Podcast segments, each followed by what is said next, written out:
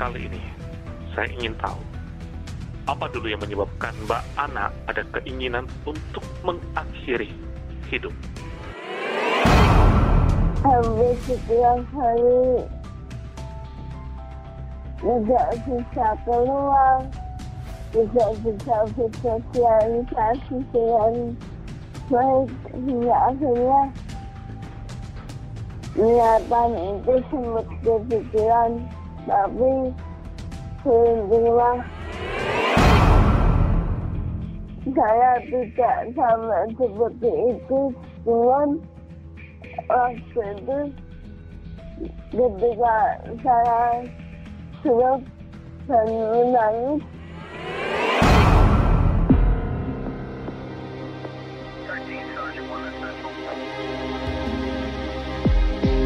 Berbagai kisah nyata akan dituturkan para korban penculikan.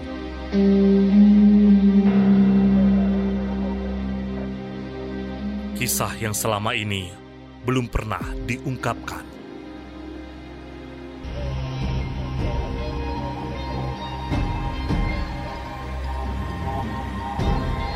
Podcast, podcast penculikan, penculikan.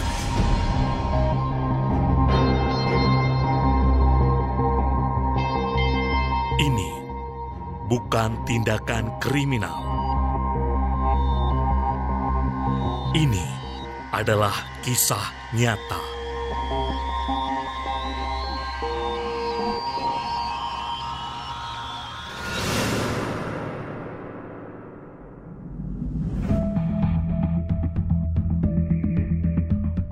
Selamat datang di podcast penculikan. Ini bukan tindakan kriminal. Ini adalah kisah nyata. Tantangan 30 hari bersuara oleh komunitas The Podcaster Indonesia. Kali ini sudah memasuki hari ke-27 dengan tema tantangan akhir. Cukup sulit bagi saya untuk menentukan dari sudut pandang mana saya akan mengolah tema ini dan siapa yang akan menjadi target korban penculikan. Hingga akhirnya saya teringat dengan cerita salah satu korban penculikan yang pernah saya culik sebelumnya di podcast penculikan. Mbak Ana Octavia di podcast penculikan sebelumnya pernah bercerita tentang keinginannya untuk mengakhiri hidup. Hanya saja waktu itu tidak banyak yang bisa saya gali dari cerita tersebut. Dan kali ini di spesial 30 hari bersuara saya kembali menculik Mbak Ana Octavia sebagai korban penculikan. Selamat datang kembali, Mbak Ana. Apa kabarnya? Baik Mbak Ana, dulu kita pernah berbincang di episode sebelumnya. Di awal-awal podcast penculikan, Mbak Ana pernah ada keinginan untuk mengakhiri hidup. Hanya saja waktu itu saya belum bisa menggali terlalu dalam.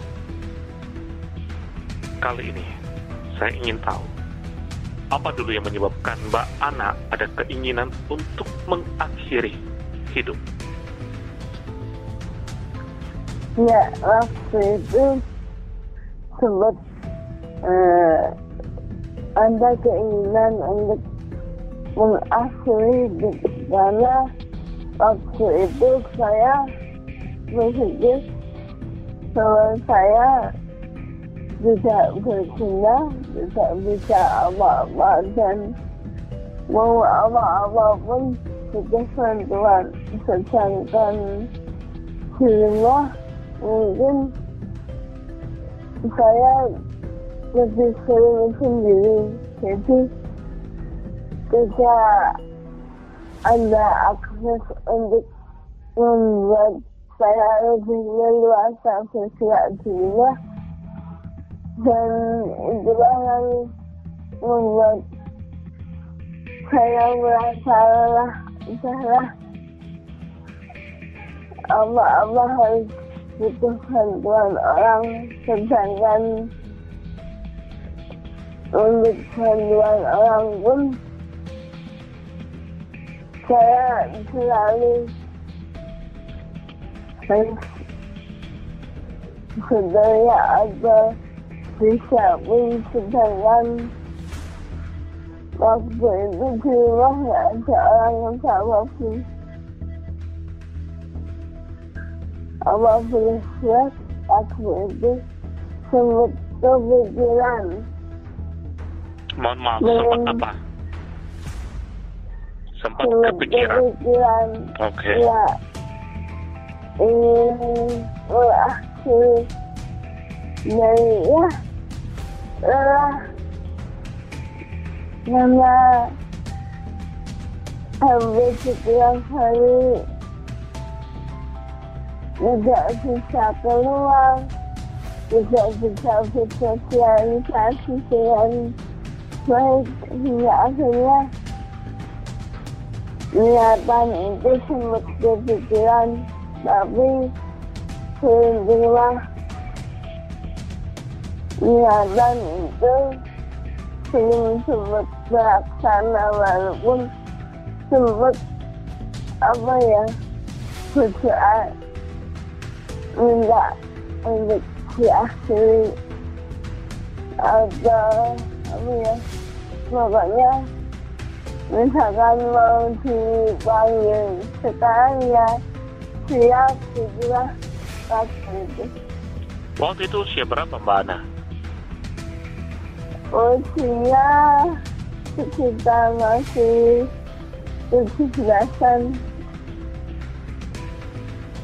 Sekitar 17-an ya. Oke. Berarti dalam hal ini waktu itu Mbak Ana lebih kepada berharap segera dipanggil oleh yang kuasa. Iya, karena setelah nenek tidak ada benar-benar di rumah tidak terkondisikan dengan baik. Karena nenek ini adalah yang sebelumnya yang sering merawat Mbak Ana ya. iya, Oke, tapi adakah keinginan mengakhiri hidup dengan melakukan tindakan-tindakan yang sangat menyakiti Mbak Ana sendiri sebenarnya? bisa sih. Alhamdulillahnya saya tidak sama seperti itu, cuman waktu itu ketika saya sudah dan menangis, saya selalu berkata, Tuhan, kalau memang saya merepotkan dan tidak bisa apa-apa, siap kok kalau panggil. Dan di situlah saya menemukan apa ya semacam untuk bangkit dengan siap dengan putus asa Hmm. dan di situlah ada semacam fisik entah dari mana mengatakan bahwa jangan dipendam sendiri dan akhirnya saya ceritalah kepada sahabat saya yang dulu sama-sama sekolah juga aja.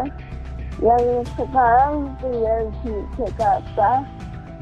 Dan kebetulan beliau inilah eh, yang memperkenalkan saya dengan teman-teman Kabulet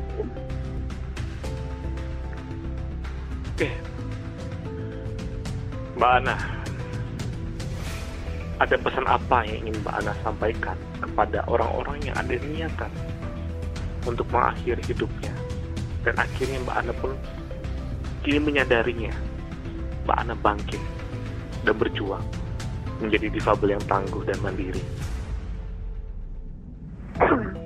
bahwa sesungguhnya ketika dibagi dalam posisi bersalah.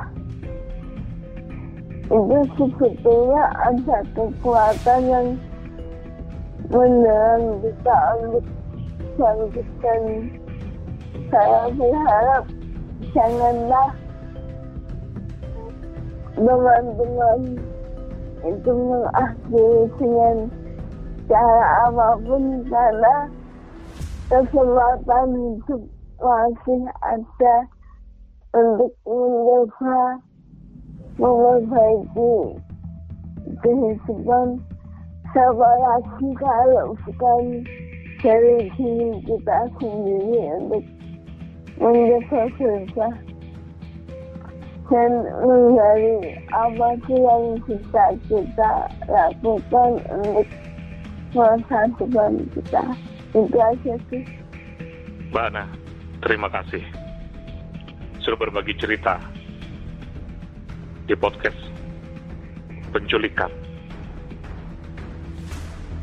Demikianlah para saksi obrolan saya bersama Mbak Ana Octavia di hari ke-27 tantangan 30 hari bersuara yang diadakan oleh komunitas The Podcaster Indonesia. Tantangan sudah saya terima dan diselesaikan. Hati-hati dan waspada. Siapa tahu Anda korban penculikan berikutnya.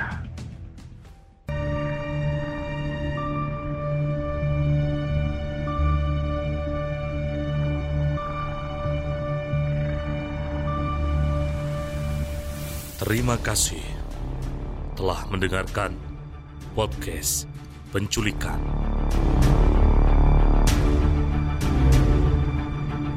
Siapakah korban penculikan berikutnya?